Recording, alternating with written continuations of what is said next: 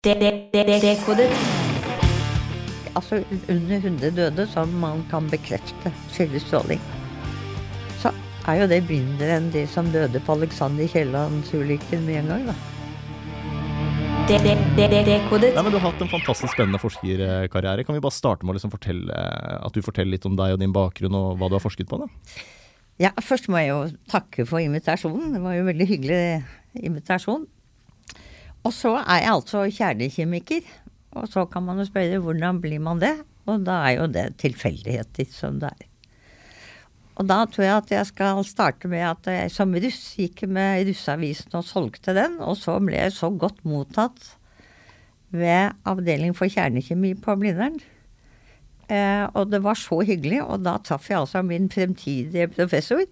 Og traff Ellen Gleditsch, som da eh, jobbet hos Madame Curie fra 1907 til 1912. Men da jeg begynte å studere, så leste jeg jo kjemi, matematikk, statistikk, og jobbet med den store CDC-maskinen på Blindern. Jeg var skiftleder og holdt på med dataprogrammene og sånn. Og da var det jo også slik at um, alle hjelpelærerne på kursene, de første kursene i EDB på Blindern, alle hjelpelærerne, vi gikk opp til eksamen sammen med studentene våre. Så det var jo tidlig barndom. Og på den tiden så trodde vi jo bare at man trengte store maskiner, og, og mente at personal computers var bare tull. Ja. Ikke sant? Det var den tiden. ja. Men da vi altså begynte med å programmere maskinspråk, 01-koding, da måtte jeg velge. Ja. Kjemi eller EDB. Og da valgte jeg kjemi, kjernekjemi, og har aldri angret på det. Nei. Og så er du altså kjernekjemi- og strålevernsforsker. Er det det samme innenfor samme Ja. område? Ja. Det er liksom kjemidelen. ja, nettopp. ja. Stråle, stråle Nukleære fag. Ja. Det har på en måte en kjemiside og en fysikkside som er godt integrert. ja. Men kjemisiden der handler mye om hvordan radioaktive stoffer oppfører seg. Og ikke akkurat hvordan de er oppbygd. Nettopp. Og det har jeg jobbet med fra, fra doktorgraden min, før doktorgraden. Eh, og da Tsjernobyl-ulykken kom, og nedfallet kom til Norge, da sto jeg på taket av Blindern-husene og fraksjonerte regnvannet. For da Det var en av forskningsoppgavene, nemlig å se på hva er det som egentlig kommer ned, hvilke stoffer, hvilke radioaktive stoffer er det, Ja. og hvilke tilstandsformer har det. For det er grunnleggende for hvilke konsekvenser nedfall kan ha. Var du den ledende eksperten på den tiden da, eller var det et miljø rundt dette som Da var jeg ganske så ung stipendiat. Eh, og det, akkurat når det gjaldt Tsjernobyl i Norge, så var det jo slik at uh, beredskapen var, var uh, Da tror jeg nesten at jeg må starte ved å si at vi hadde en flott beredskap under prøvesprengningene på 1960-tallet. Mange institusjoner var med, god kompetanse overalt. Men da det var slutt på prøvesprengninger, og da Stortinget bestemte at vi ikke skulle ha kjernekraft, så forfalt hele fagområdet. Og beredskapen ble, ble minimalisert. Rekrutteringen sviktet, så da Tsjernobyl-ulykken kom til Norge, så var det nesten ingen som visste hva becquerel var. Ha. ha. Så da måtte man bygge opp alt på nytt. Ja, og da Og midt i den fasen kom, var jeg. Men jeg visste altså hva becquerel var før Du visste i det minste det. det. Ble det sånn hastearbeid? At eh, nå Ja. må vi få på plass masse kompetanse her, og nå har vi dårlig tid? Veldig. Ja. Det var krise, fordi um, Strålevernet, da het det Institutt for strålehygiene, SIS het de på den tiden, um, de gikk ut og sa at det var ikke noe nedfall i Norge. Og da sa jeg til min mann, hvordan i all verden kan han vite det, for han har én målestasjon på taket i Bærum. ja. Og så ble det jo en voldsom konflikt, fordi de fant eh, radioaktivt nedfall i Trøndelag. Så da ble det en sånn nord-syd-konflikt som ble veldig problematisk, eh, særlig det første, de to første årene. Så det var på en måte sånn at det var eh, to leire her hvor noen hevdet at det ikke var noe radioaktivt nedfall i Norge, Ja. mens du hevdet at det var det. Og så Det vil fikk du si det at det var jo særlig Trondheim Ja, som målte da at det var radioaktivitet annet sted enn i Bærum. ja, ikke sant. Og jeg må bare starte egentlig med å si at eh, det ble oppdaget radioaktivitet først ved Forsmarkanlegget i, Bære, i, i altså nord for Stockholm. Og da kom det Da var det slik at arbeidet som kom på jobb, da slo alarmen ut. Og så trodde de jo først at det var en lekkasje på eget anlegg. Mm. Men så oppdaget de at det var det jo ikke. Det var ikke noe inne, det var ute. Og så tok de sånn s- s- altså en test på biltaket, en sånn duk. Og så så de at bilene som kom fra nord, fra Gävle-området, de hadde radioaktivt cesium. Mm. Og så så de at de hadde begge isotopene av radioaktivt cesium. Og det betydde at det var en kjernekraftulykke og ikke en atombombe. Og det var viktig. Mm. Ja. Så de ga beskjed, da.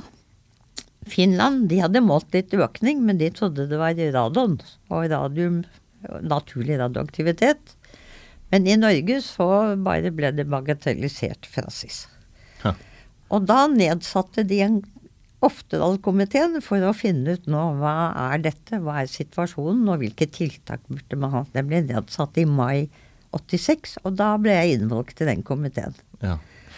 Og da hadde vi jo masse styr med hva slags målinger var tatt, og det var, det var mye rart. Var det mye redsel når man fant ut Ja. at det var eh, radioaktivt nedfall i Norge? Både i media og blant folk også? Ja, Ja, veldig. Det var Og da målte man altså radioaktivitet eh, i en salat i Trondheim, som da tilsynelatende var veldig høy. Og det var jo bare at det var forurenset av jord. Av forurenset jord. Og da brukte de tusenvis av kroner til å pløye ned den frosta salaten. Dette skjedde tidlig. Og dette hadde ikke trengt å gjøre. Bare media styrt, Ja. og også at man ikke hadde noe faglighet til å stoppe det ordentlig. Nei. Og så var det denne konflikten fra NGU i Trøndelag og Strålevernet i Bærum, og, som gjorde at media hadde fritt spill, og så ble det hysteri. Det blei hysteri, ja. Og så først så fikk vi egentlig en tiltaksgrense eh, fra Tyskland som kom over handelsdepartementene fordi at de ville stanse import av forurensede varer fra øst. Men så oppdaget de jo at de også hadde forurensede varer, og så måtte de justere tiltaksgrensen. ja. Så Norge har fulgt tiltaksgrensen på 600 becquerel per kilo for cesium, Ja. radioaktivt cesium. Sverige opprettholdt altså 300, som var den første som kom, Mm. mens Finland har 1000. ja. Og dette at vi har forskjellige tiltaksgrenser, det reflekterer egentlig at man har forskjellig opplevelse av Mm. risiko. Hva som er farlig. Ja. Og tiltaksgrense, det betyr jo rett og slett at du må sette inn tiltak hvis nivåene er høyere enn det Ja. grensa sier. Og da er det typisk at eh, man utover høsten Altså de aller første modellene tilsa at Og alle strålevernmyndighetene i Europa eh, sa at eh, problemet med Tsjernobyl vil raskt gå over. I løpet av noen måneder, i hvert fall et år, fordi cesium vil binde seg til leiret. Men det skjedde jo ikke. Og utover høsten så ble det så mye radioaktivitet i særlig i utemarksområdene, altså de dyrene som gresset der, sau, geit, rein, at uh, denne tiltaksgrensen på 600, den var jo langt overskredet. Ja.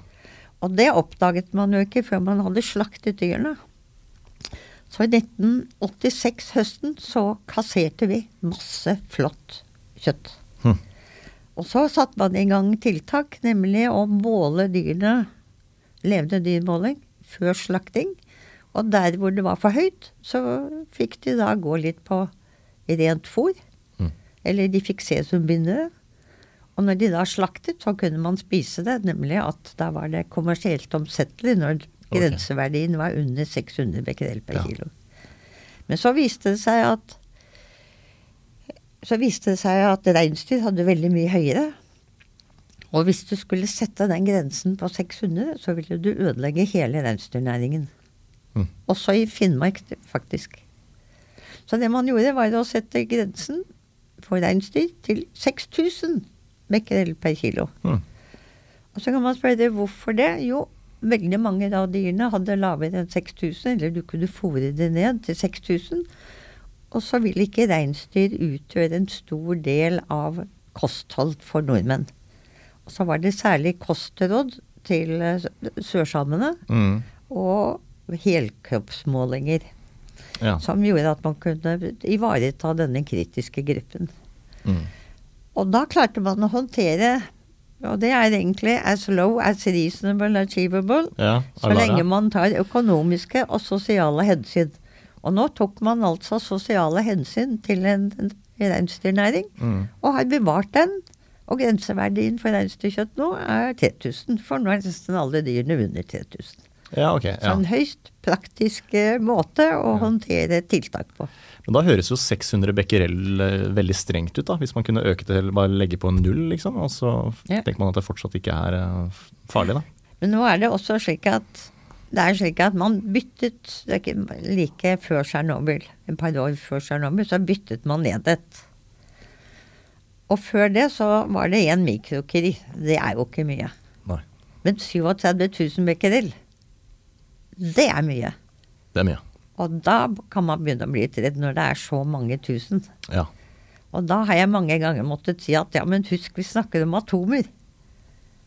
Ikke sant? Når det, tallet blir så stort, så blir angsten mye større enn å si tre, bik tre mikrokiri. Det er jo ikke mye. Nei, ikke sant.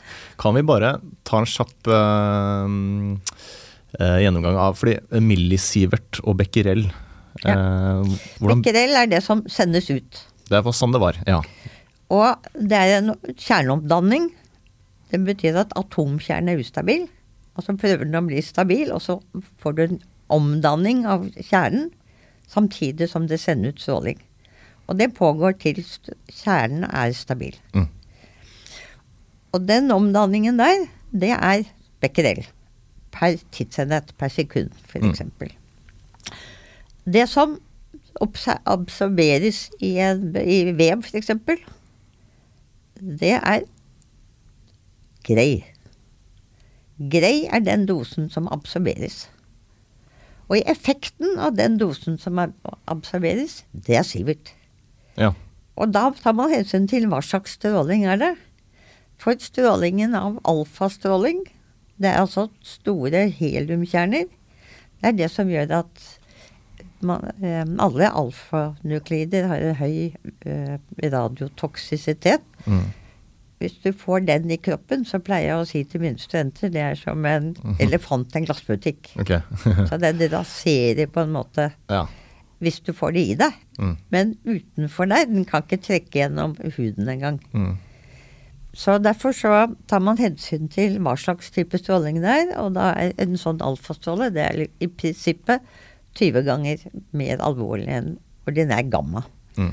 Gamma er altså langtrekkende, så den kan vi bruke helikopter når vi da måler, for å se om det er noe nedfall. Når vi ser eh, nedfallsmønster i Norge, så er, så kan du så er det i stor grad flymålinger, helikoptermålinger, bilmålinger, for det er langtrekkende. Men den går jo også veldig tvers gjennom kroppen uten å skade så mye. Mm. Så når vi snakker om hvor radioaktivt en gjenstand er, så bruker vi ofte betegnelsen becquerel. Ja. Når vi snakker om hvor mye radioaktivitet vi blir utsatt for, så bruker vi ofte millisievert Ja, det er, do, det er effekten. effekten. Ja. Dosen du får, absorbert dose, er grei. Mm. Og det bruker vi for alle dyr og organismer. Ja. Men det vi gjør, er at vi setter absorbert dose sammen med en effekt, sivert, og vi omgjør sivert til hvor mange krefttilfeller i året kan man, kan Mm. man regne med. Og det er derfor vi har slike modeller. Som man fra et nedfall så skal man estimere hvilke konsekvenser det har.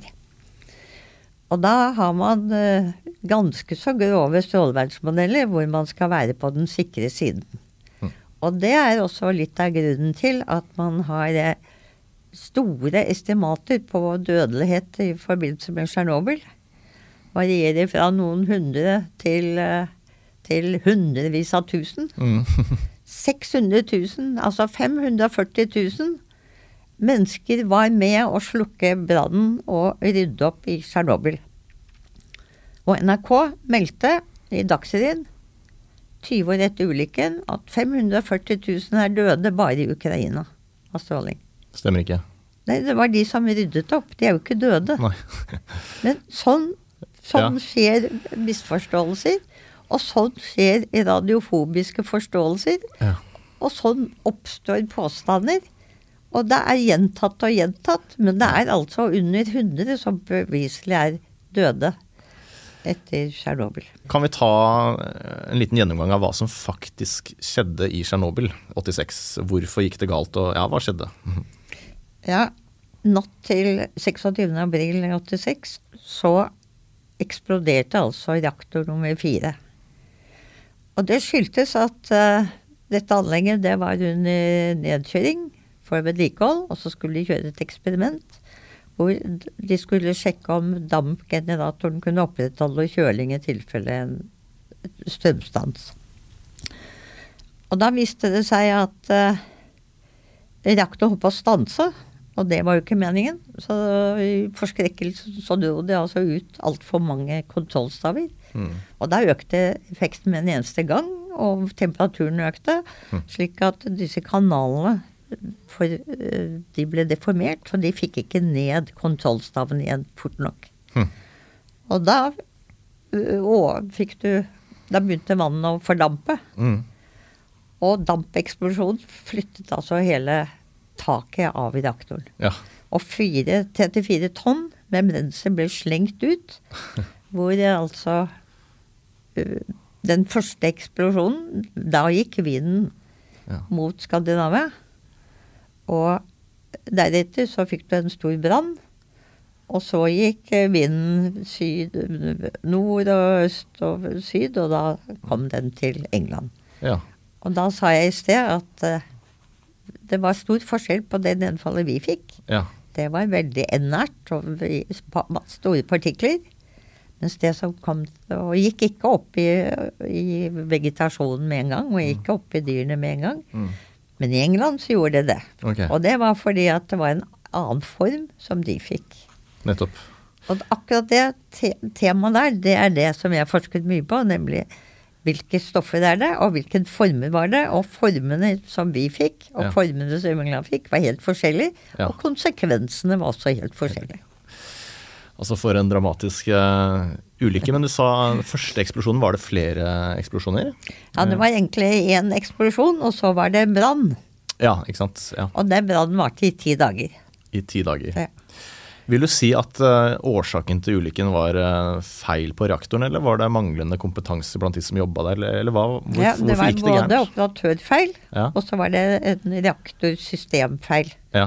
Og i tillegg så hadde ikke denne reaktoren en sikkerhetsbeholder. Sånn som man hadde i Fukushima, og sånn som man hadde i Three Mile Island-ulykken i USA. Nei.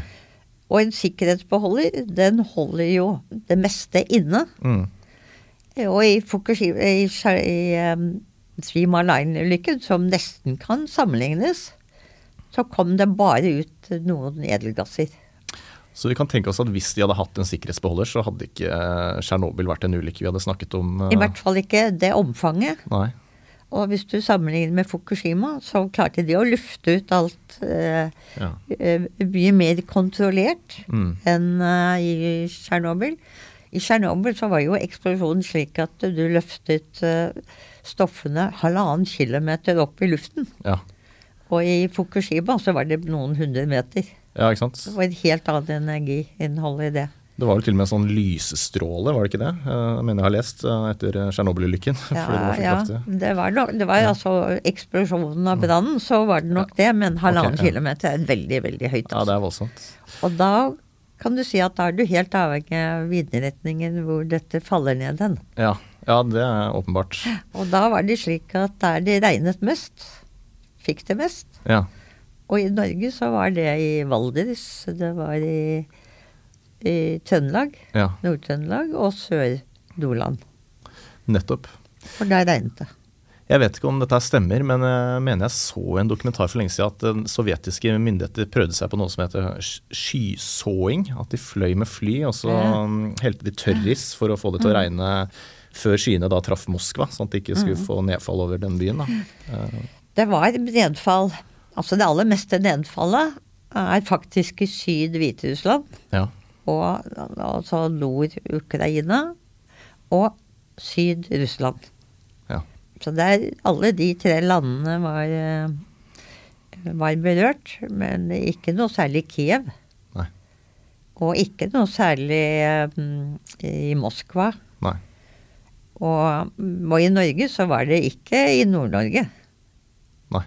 Ikke sant? Det var i de andre områdene. Så vi hadde jo veldig god erfaring fra bombenedfallet. Mm. Og der var det også slik at det var størst nedfall der det regnet mest. Mye mer i Bergen enn i Oslo. Men vi har altså ikke klart å finne noen effekter av bombenedfallet i Norge.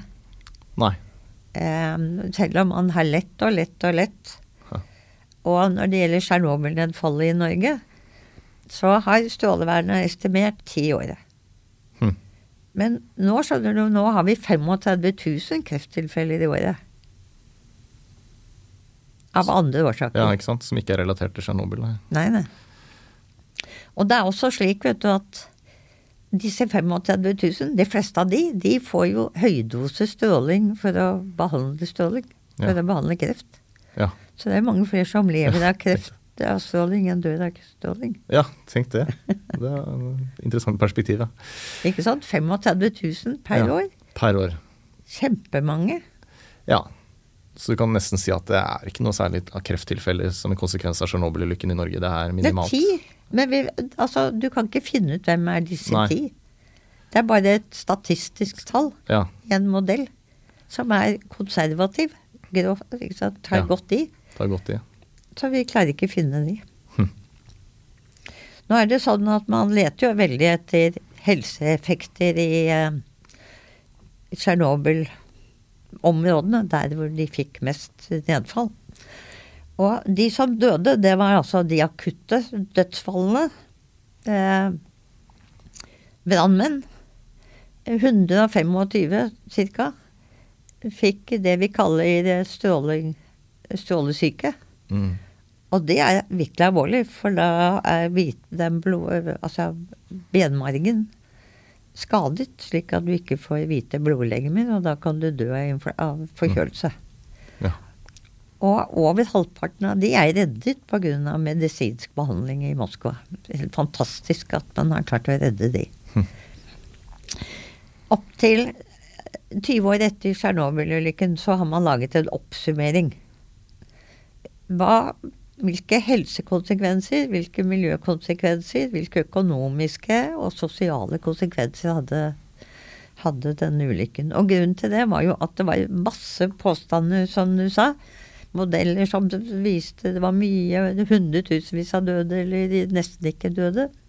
Og da har disse sammen med Altså disse Det er åtte FN-organisasjoner og forskere fra Ukraina, Hviterussland og eller Belarus og Russland. Og internasjonale forskere. De satte seg ned for å gå gjennom. Og det er de beste tallene vi har. Mm. Sammen med hva ønsker, det er altså FNs organisasjon for stråleeffekter, som følger opp etterpå. Det er de tallene vi har å holde oss til. Ja. Resten er bare masse påstander. Mm. Og da viste det seg at ca. 20 000 barn i Hviterussland, Belarus, altså Belarus, Russland og Ukraina fikk skjoldbruskkjertelkreft av radioaktivt jod. Okay. Det var på grunn, for det første var det jod som de kunne inhalere. Så var det jod i melk. Det var jod i mat. Og de ble utsatt for det. Og av de 20 000 som fikk skjoldbruskkjertelkreft, så er det 5000 som man regner med fikk kreft av radioaktivt jod. De andre er en del av For dette er et område med jodmangel. Okay, ja. Slik at du får øh, skjoldbruskkjertelkreft av andre årsaker også. Nettopp. Ok. Så Ønsker jeg øh, har klart dokumentert at 5000 av disse fikk skjoldbruskkjertelkreft. At de er det 15 barn som døde for de kom for sent til legen Ja. til medisinsk behandling. De andre de får jo medisinsk behandling, og det må de ha resten av livet. Men de er jo ikke døde. Nei. Modellene tilsier at disse skulle vært døde. døde. Ja. Men de er jo ikke døde. Medisinsk behandling har vært helt utrolig. Og det er grunnen til at det er under 100 som man beviselig vet er døde av stråling. Fra Tsjernobyl. Ja, for det er en krefttype med gode prognoser, har jeg skjønt. Akkurat den skjoldbruskkjertelkreften. Ja, det er nok plage. Det er, ikke, det er jo ikke noe hyggelig å ha det. Men du er jo ikke død. Nei. Og i Fukushima, det var ingen som døde av stråling der så langt. Nei. Heller ikke sommerkjertelkreft. Ingen krefttyper. Men de døde da de evakuerte masse mennesker. Ja. Ikke sant? Som, det var gamle mennesker som de måtte flytte. De var jo også Mm. litt panisk.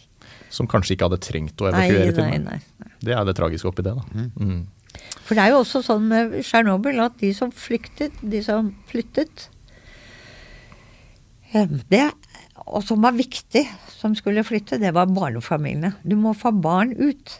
Fordi at det er slik at eh, doser øker Altså risiko for kreft øker med dosen. Mm. Og dette, nå snakker vi om kreft om 20 eller 30 eller 50 år eller levetid. Så du må få barna ut. Men er du 70, så vil du jo ikke dø av kreft. Du kan kanskje dø med kreft. Mm. Men det er jo ikke noe risiko hvis du er godt opp i årene. Ja. Og da er det mange av de gamle som valgte å flytte tilbake. ja.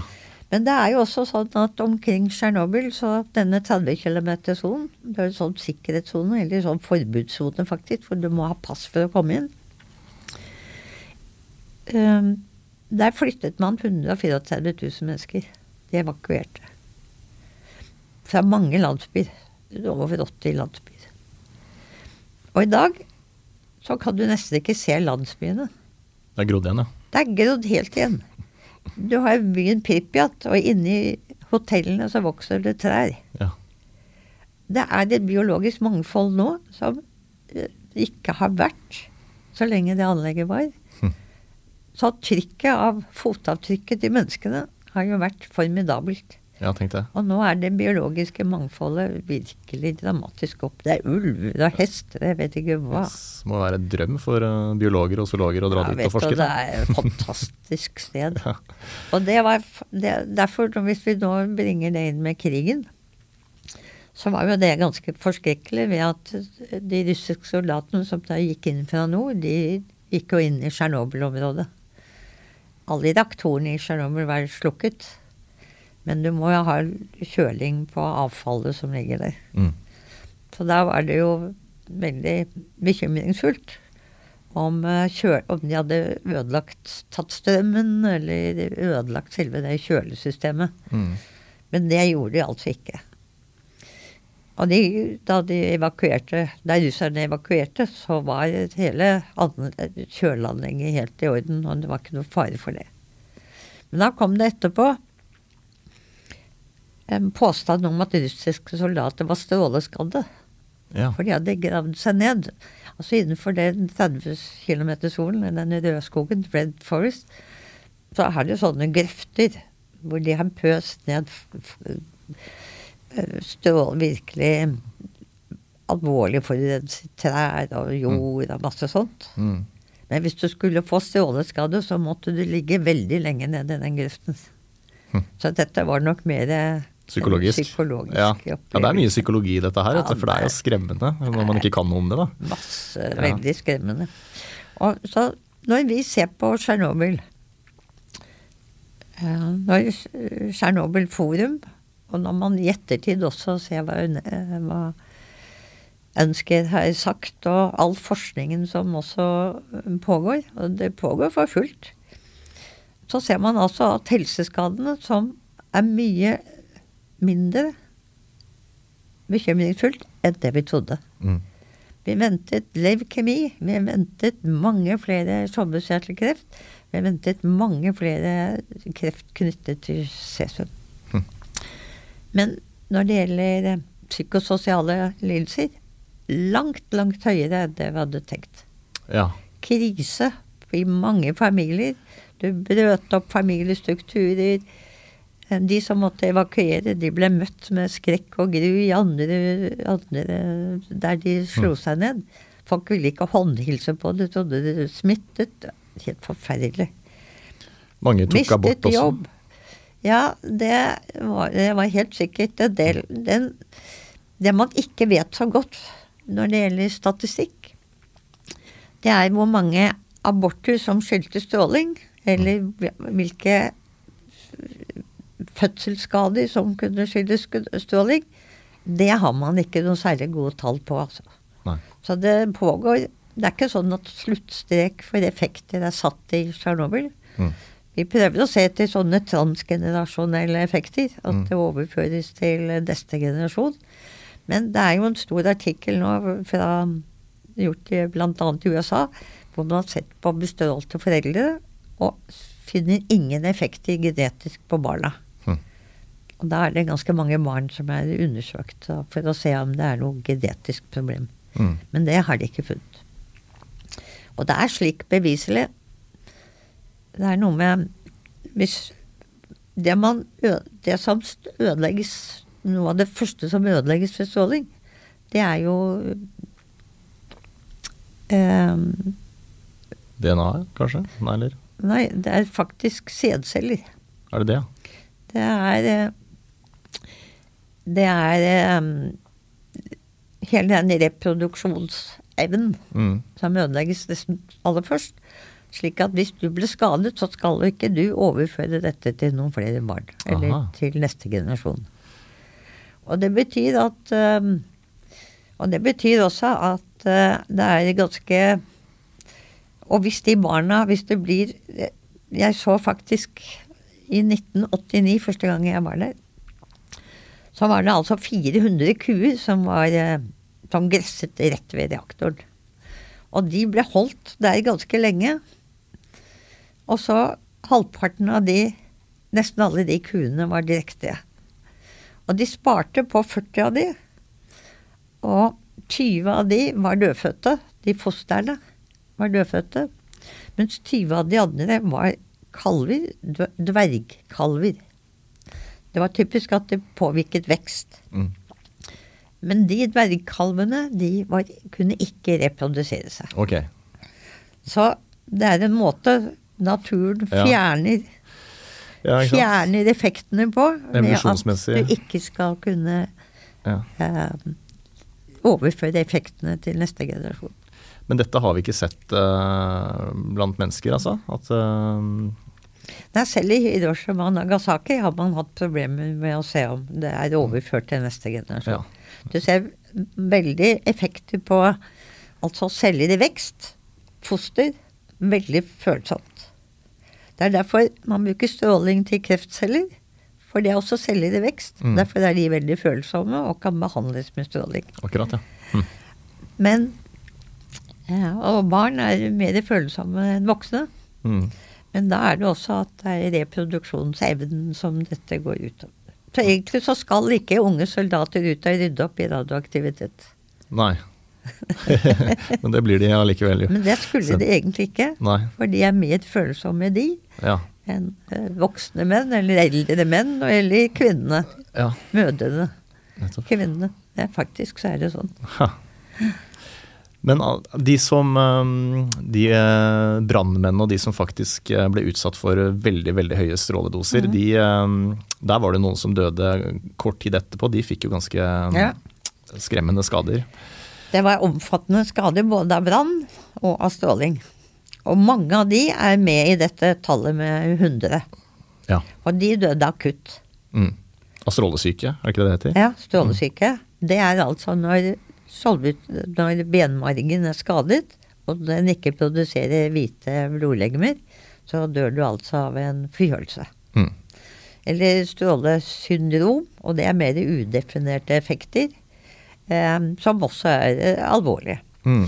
Så, og da er det imponerende at altså jeg mener det var 125-130 135 et tall der som fikk strålesyke. Over, over halvparten levde altså 20 år etterpå.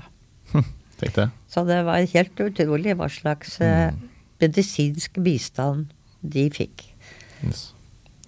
Men de som virkelig ble utsatt for høy stråling og døde akutt, det, det så ikke så bra ut. Et eller annet med huden som bare til slutt preller av, og mm, betennelse i hele kroppen, og huden råtner og Jeg så det i hvert fall i den Jeg vet ikke om du har sett den serien Tsjernobyl? Jo, var Ja. veldig god. Ja, veldig god. Faktisk god. Det var Det var nesten riktig. Ja.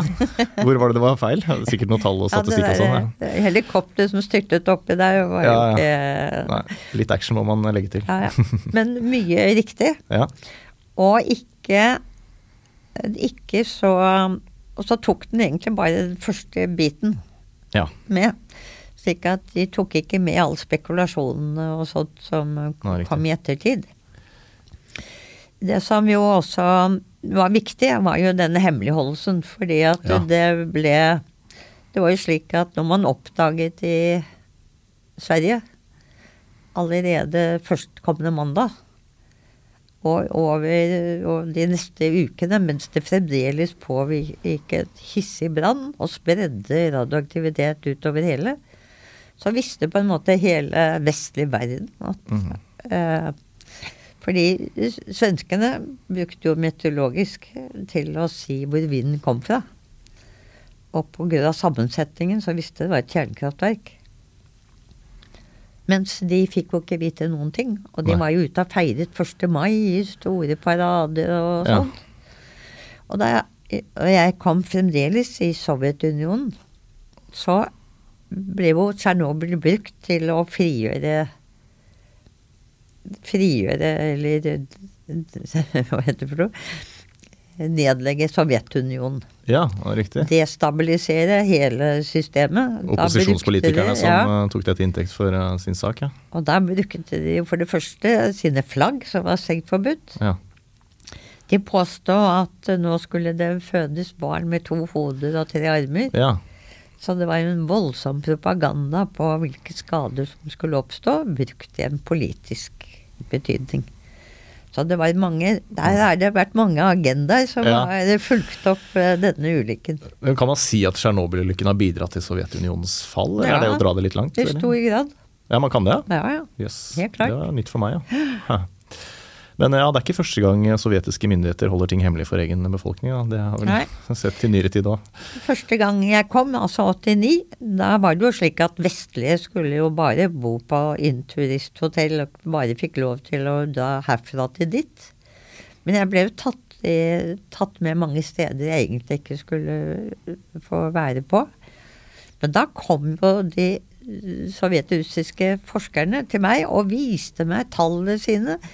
Altså, det, og, og befolkningen, de kom som om jeg var en befrier og ikke en fiende av landet. Det var forbausende. Yes.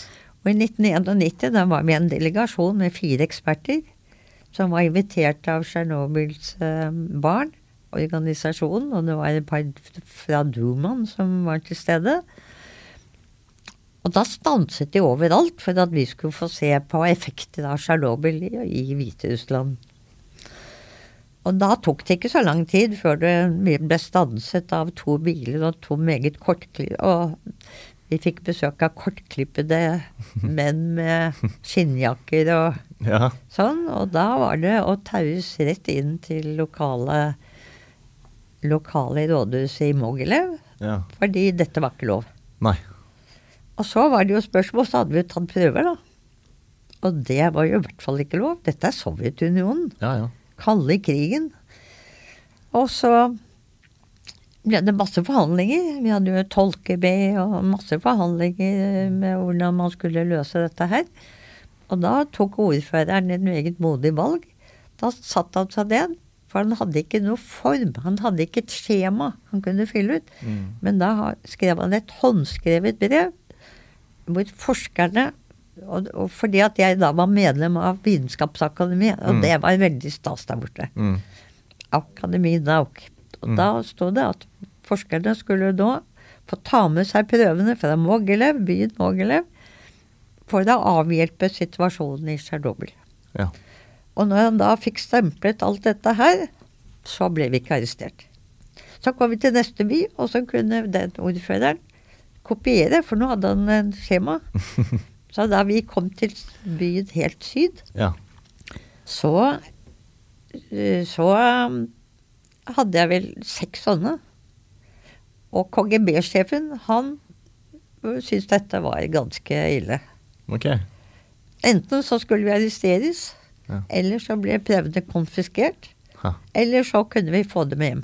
Hva skjedde? Og etter tre dager så kunne vi få dem hjem. For da Ja. hadde hans sønn også fått leukemi. Ja, riktig. Det hjalp. Ja, nettopp.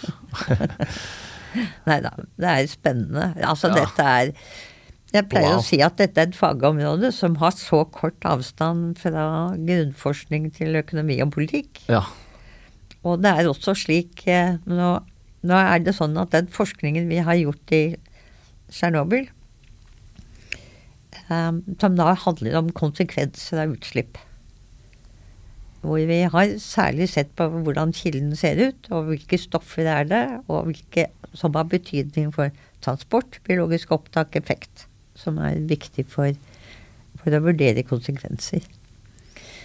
Og da er det jo også slik at eh, det samarbeidet vi hadde med både Ukraina, forskere fra Belarus og fra Russland, var så godt at det de foreslo vi skulle gjøre, det var å være med på tokt til Karahavet. For der var det dumpet russiske atombåter, atomubåter. Hvor ligger Karahavet? Sånn, Novaja Selmia, ja, jeg er ikke så god i geografi. det ligger nord Ok, ja. for til, til høyre for Svalbard. Til høyre for Svalbard. Da er jeg med, vet du. Store øyer. Der hvor prøvesprengningene Masse russiske prøvesprengninger har vært. Riktig, riktig. Så da, fra 1992, så har vi hatt ekspedisjoner inn i Karahavet Ja. til dumpede russiske ubåter. Ha. Og da vi hadde vært der, så foreslo vi at da burde vi være med inn til det verdens verste, mest forurensede anlegg i verden. Verdens mest Mm. forurenset anlegg. Det var Mayak-anlegget, som ligger inne i Ural, sideelv til Ob, elven Mm. Ob. Og det var Stalins anlegg for å bygge atombom- atombomber. Så da hadde vi store ekspedisjoner der. Og fra ekspedisjonene der så var vi i Sentral-Asia, i disse Stan-landene, som var urangruveanleggene. Eh, For der hentet de også uran til atombombeprogrammet til Sovjetunionen. Mm. Og så var det ekspedisjoner til Semipalatinsk, som var i Kasakhstan. Yes. Som var det største Der sprengte de 456 atombomber. Hm. Og noe av nedfallet derfra kom til Norge. Ja. Yes, så du har vært på forskningstokt rundt om i hele verden da, i det er ikke mange som har vært på så mange farlige steder som meg. Nei. Og så sitter du her i dag, frisk og uten stråleskader. Det er jo helt strålende. Eh, Men, men i, i, eh, i Tsjernobyl-området, dette som kalles for Red Forest, ikke sant? denne 30 km-grensa, hvor eh, Du var ikke der bare én gang, du har vært der flere ganger, har du ikke det? Eller? Ja, ja. Ja, ikke sant? Det har vært kontinuerlig samarbeid Ja. Og, det, fra 1989. ja, Og fremdeles pågår det eksperimenter og forsøk Ja. i dag. og da reiser du ned på vegne av Vitenskapsakademiet? Nei, da, jeg, vi har, jeg har jo et senter for fremragende forskning. Riktig? Og der er det jo masse forskere Ja. som da sammenligner hvilke effekter ser vi i nærområdet i 30 km-sonen. Ja. Og hva ser vi lenger fra i Norge? Hvordan sammenligner vi? Hvorfor er furu mer sårbart enn gran Mm, fra stråling? riktig. Vi ser på Og i Tsjernobyl så kan du kjøre eksperimenter, ikke i lab, men ute i felt. Mm, Vi ser på opptak i fisk. Hvor er det stoffene fordeler seg inn i radioaktivitet i fisk? Mm. Kan, kan, er det sånn at når du er vant til en liten dose, er det slik at du tåler mer? mm, Det er det jo noen som har ment. ja. Og er det slik at eh, opptaket eh, At vi kan hindre opptak i fisk? Nå har de begynt med rent fôr til fisk, og så får du ikke opptak i fisk, og så skal du spise den fisken. Riktig. Så det har eh, vært masse spennende forskning der. Og så ser vi på sånne transgenerasjonelle effekter. Mm. Fins de der? Og ikke minst, hva skjer med disse partiklene? Tre til fire tonn. Det er partikler, de sitter støkk. Ja. Og noen av disse løses fort, men noen løses sakte. Og hvis de løses sakte, så betyr det at du har et problem i fremtiden. Mm. For alle de som løste seg fort, de er løst seg nå. Ja. Men så, de som løser sakte, de kommer etter hvert. Det er de som er skumle, vet du. Ja, de er skumle. Ok, Så Senter for fremragende forskning, da var det del av, et- eller er del av et større internasjonalt forskningsteam, da? Nei, dette er eh, eh, Senter for fremragende forskning er finansiert av Forskningsrådet okay. i ti år. Og hvor NMBU Jeg ledet dette der fra 2013. Mm. Og det er et senter for um, stråle eh, eh, Skal vi se Radioaktivitet i våre mennesker og miljø. Ok, ja. Environmental radioactivity, som det heter. Og der har vi samarbeid, tett samarbeid med Strålevernet og meteorologene. Og NIVA og Folkehelsa. Mm. Og veldig tett samarbeid med internasjonalt. Masse omfattende EU-forskning. Mm. Eh, Nato, atomenergibyrået i Wien.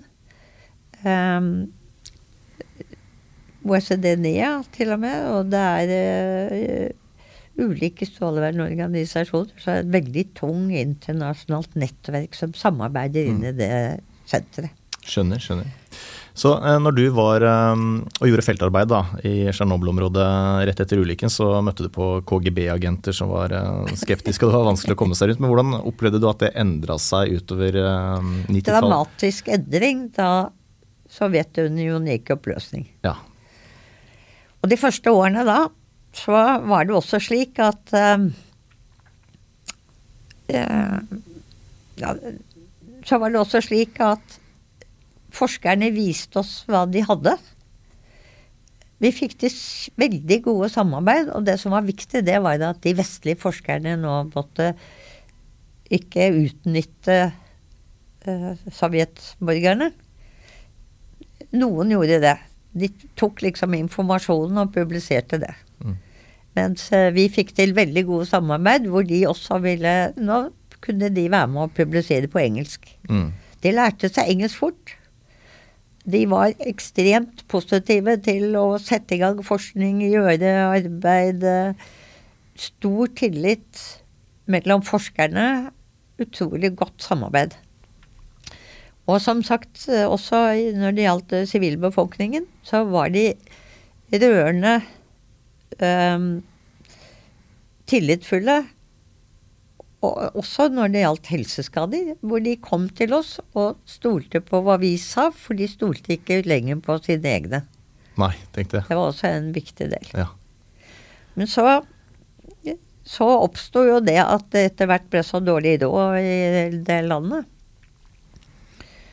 Og jeg husker jeg var i uh, Moskva, i uh, Utenriksdepartementet, hvor de da hadde begynt å Hadde loppemarked med ansattes ting og tang. Mm. For nå måtte Yes. de fikk ikke lønn. Altså, det var helt ille. Såpass. Så det, det var jo en stor begeistring for glasnost inntil Ja. eh, økonomien skar Ja, seg ordentlig. Ja. såpass.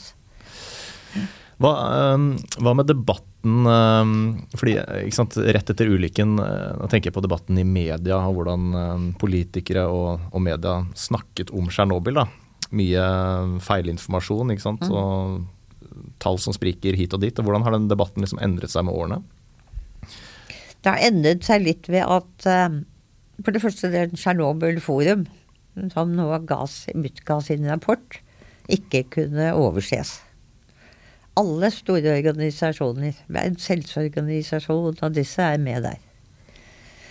Um, og så kan man jo si at ja, det er ikke alt vi vet etter 20 år. Nei. Uh, men det store bildet er det klart. Det var altså mye alvorligere den psykosomatiske lidelsen sånn sett, i forhold til hva vi ventet, enn den somatiske, altså krefttypen. Og så var det som sagt et område med mangel på jod, Struma-området, som gjorde at veldig mye, av den radioaktive jod gikk rett i skjoldbruskkjertelen. Slik at risikoen for skjoldbruskkjertelkreft var stor Mm. med en gang, holdt jeg på å si. Men jeg synes, Og de fleste mente vel også at vi hadde ventet det mye høyere. Ja. I Fukushima så tok man jo folk ut også, og barna fikk ikke radioaktivt jod i melken. Så der er det jo ikke noe skjoldbruskkjertelkreft. Nei, ikke sant. Så det var jo noe med at de bodde der og spiste der, og det tok ganske lang tid. Og altså jod, det har jo bare en halveringstid på åtte dager. Så i løpet av noen uker så var jo på en måte jodproblemet over. Mm. Men det var nok til at de visste ikke De visste ikke riktig eh, De visste ikke at det var så mye jod. De visste ikke at de skulle unngå melk. Nei. Men det de visste etter hvert, det var jo at de var redd for å spise. Så mange barn fikk jo sånn anemi, Mm. jernmangel og sånn. Ja. I ettertid. Men da var jo jodproblemet over, egentlig. Ja, ikke sant. Så var det problem med cesium og strontium. Cesium kan altså gi kreft litt overalt. Strontium gir leukemi. Ja, Det ligner på kalsium. Det setter seg i ryggmargen. riktig. Og den kunne gitt mye Den ventet vi skulle ha, være mye mer alvorlig. Mm. Så vi kan, eh, Ville du konkludert med at de psykososiale og de psykosomatiske konsekvensene av Tsjernobyl-ulykken har vært mye større enn de faktisk somatiske? da? Man, Altså mye større enn vi ventet. mm, Og de somatiske langt mindre enn vi ventet. For vi Ja. ventet at det skulle vært mye verre mm, enn det er. Og hvis det er slik at det er 100 døde som man Altså under 100 døde som man kan bekrefte skyldes stråling, så er jo det mindre enn de som døde på Alexander Kiellands-ulykken med en gang, da. Tenk det, da. Ikke sant? Tenk det. Og nå snakker vi om 20 år. Det er Ja. da Tsjernobyl Forum Ja. har laget et statistikk. Mens jeg ønsker Altså FNs eh, komité for stråleeffekter, Mm. de har den siste oppdateringen på skjoldbruskkjertelkreft. Det er i 2019. Så det er, eh, det er veldig Det er altså Vi har ventet dette eh, mer alvorlig. Men det er jo interessant, fordi selv om tallene er veldig klare, så henger den frykten henger litt igjen. Det er mange som ser på Tsjernobyl-ulykken som en eh, virkelig enorm katastrofe og tenker at det er tusenvis av døde, og om ikke hundretusen, ikke sant. Yeah. De, eh, de tallene de finnes der ute, og de får lov å leve, selv om de er da yeah. er eh, Når debunka. Dagsrevyen gjentar det. Mm. 540 000 døde bare i Ukraina. Det Ja. tallet er hvor mange mennesker Det står i, i 540 000 mennesker, sier de. I bare Ukraina Ja. er døde av stråling. Ja, må ja. være Og det er 540 000 som var med å rydde opp rett etter ulykken og de følgende årene. Ja, ikke sant. Og dette er tall som er gitt fra Tsjernobyl Forum. Og det at ingen i Dagsrevyen har reagert på det tallet, tyder kanskje på at man ikke helt eh, det er- Man kan ikke det her, ikke sant. Nei, kan Man- ikke. Jeg fikk en telefon fra Dagsrevyen hvor de lurte på hva slags planter det var som tok opp plutonium. Uh, og da lurte jeg på Jeg skjønte ikke helt det. Og så sa de ja, det var nuclear plants. Hallo. ja, ok. Ja ja. Nei, men ikke sant. Der er det. Ja. Altså kunnskapsnivået på dette feltet er Veldig lavt. Ja. Og det var jo Men det ble jo da, etter Tsjernobyl-ulykken, for å hoppe litt tilbake til starten, så ble det da mm, man fikk plutselig litt dårlig tid da, med å bygge opp kompetanse i eh, Ja. Norge. Har den eh, kompetansen blitt ivaretatt? Har vi mer kompetanse på dette nå enn eh, i 1986? Altså I 1986 så var det jo ja, ille.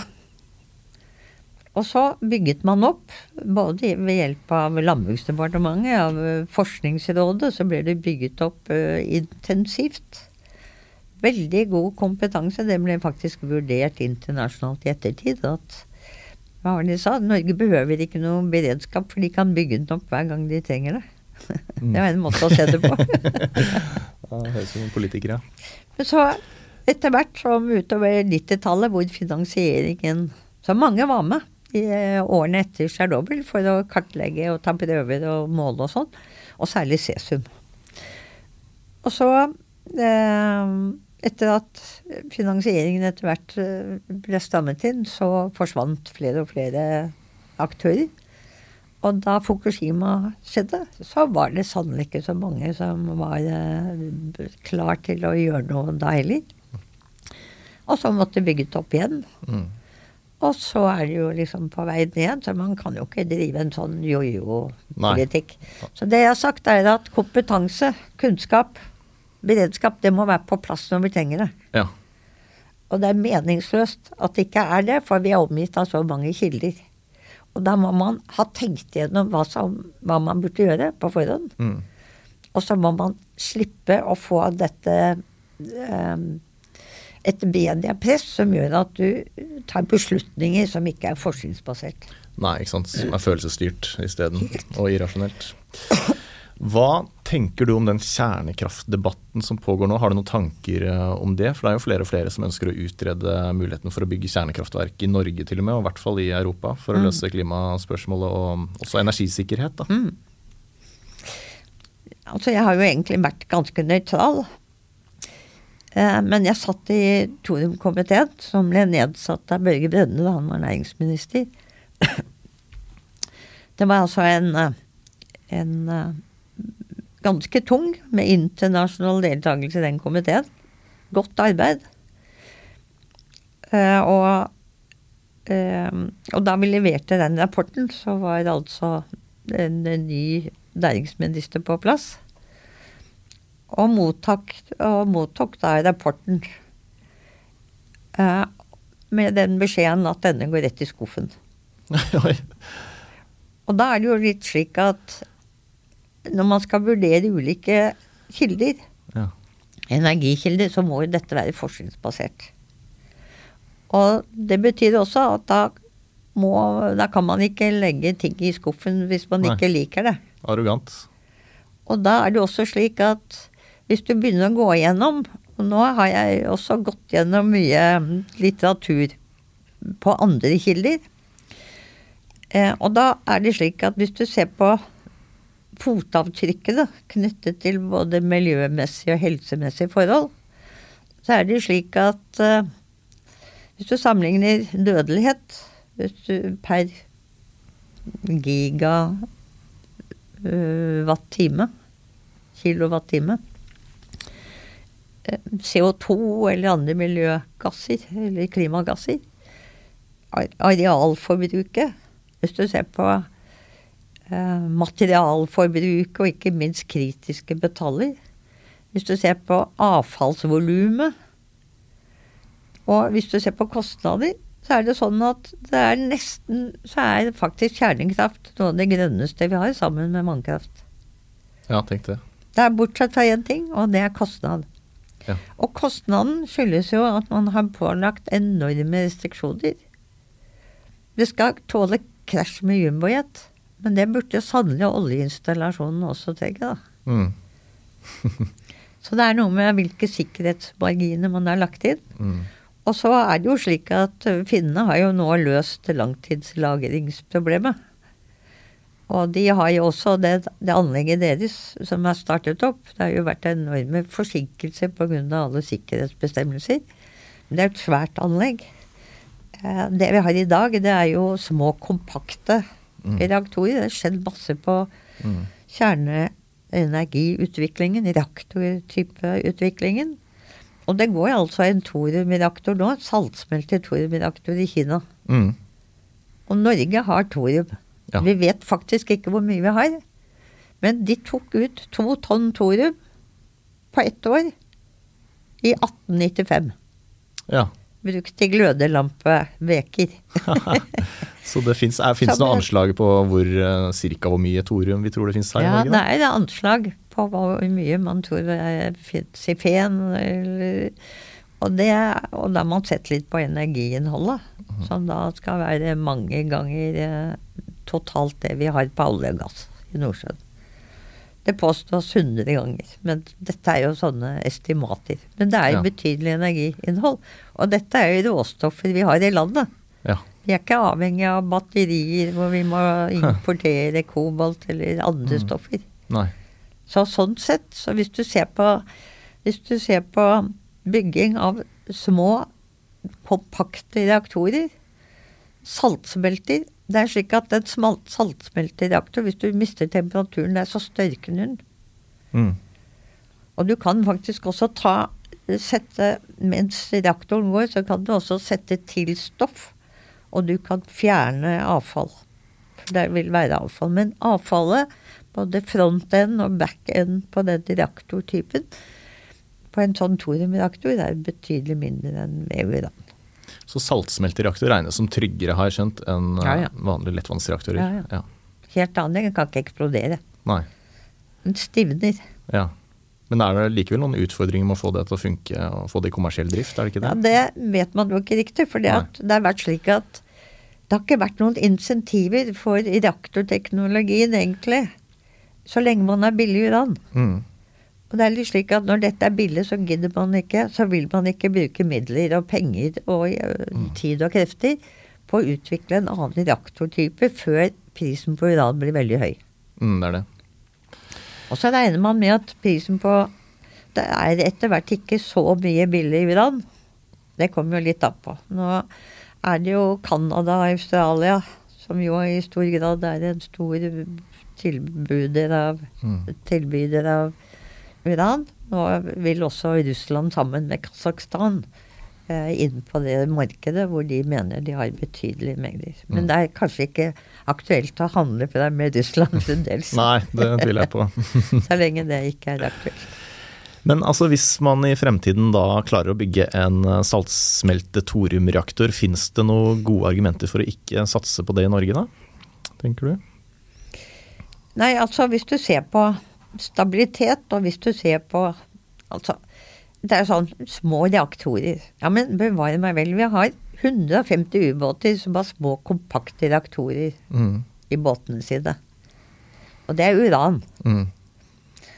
Eh, og det at man skulle ha så vanskeligheter med å ha kompetanse og lage, ha reaktorer i Norge Altså man bygget den første JIP-reaktoren i løpet av få år Mm. etter krigen. Da hadde man ingen kompetanse. Nå har man jo tross alt reaktorerfaring på 70 år.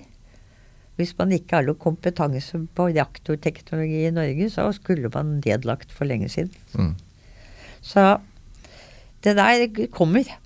Det kommer, ja. Og ser du Sverige, så er det akkurat det de gjør. Nå går de inn på små, kompakte reaktorer. Mm. Og hvis du ser nå, nå Sverige, eh, Tyskland Nå stanser de ikke de, de siste reaktorene. Og Belgia de har nå også gått tilbake. Så skal de ikke stanse den. Nei.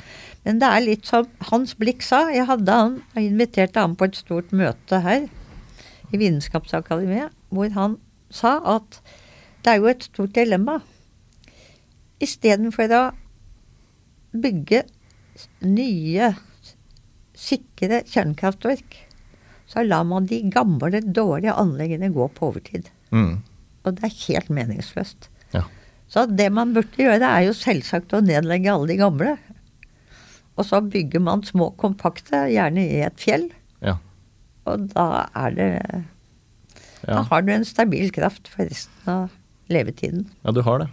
Nei, det virker som dette er fremtiden. Med mindre det her utredes, så har vi en politiker som sier denne rapporten går rett i skuffen. Som sist. Men det som i hvert fall er sikkert, eh, det er at den thoriumrapporten er høyst brukbar i dag. Ja. Det vi fastslo, og min, store, min klare mening, det er at man bør utrede hvilke thoriumforekomster har vi. ja. Så langt så er det påstander fra 50-tallet, og det er noen løselige anslag fra geologer. Men vi trenger en ordentlig kartlegging av hva og hvordan. Mm. Og da kan man jo ha et ordentlig begrep om hvilken råvaretilførsel dette representerer. Og da er det etter mitt syn aldeles eh, meningsløst å ikke sette dette I hvert fall ikke utrede det og finne ut hva dette vil være, istedenfor disse vindmøllene. Nettopp. Og det er altså svære arealer for vindmøller, og du kommer til å få store avfallsproblemer når disse må demonteres. Og, og så får du i tillegg eh, svære arealer med solpaneler, f.eks. Ja, for arealeffektiviteten til kjernekraftverk, i hvert fall de små, er jo helt overlegen. Ja, helt. Ja. Nei, men Er det kanskje et fint sted å avslutte? Dette var en, uh, dette var en spennende reise. Det er litt springende, kanskje? Jo, men det er akkurat sånn jeg liker det. Det er helt, helt nydelig. Ja, veldig, veldig bra. Takk for praten, Britt Salbu. Takk for det.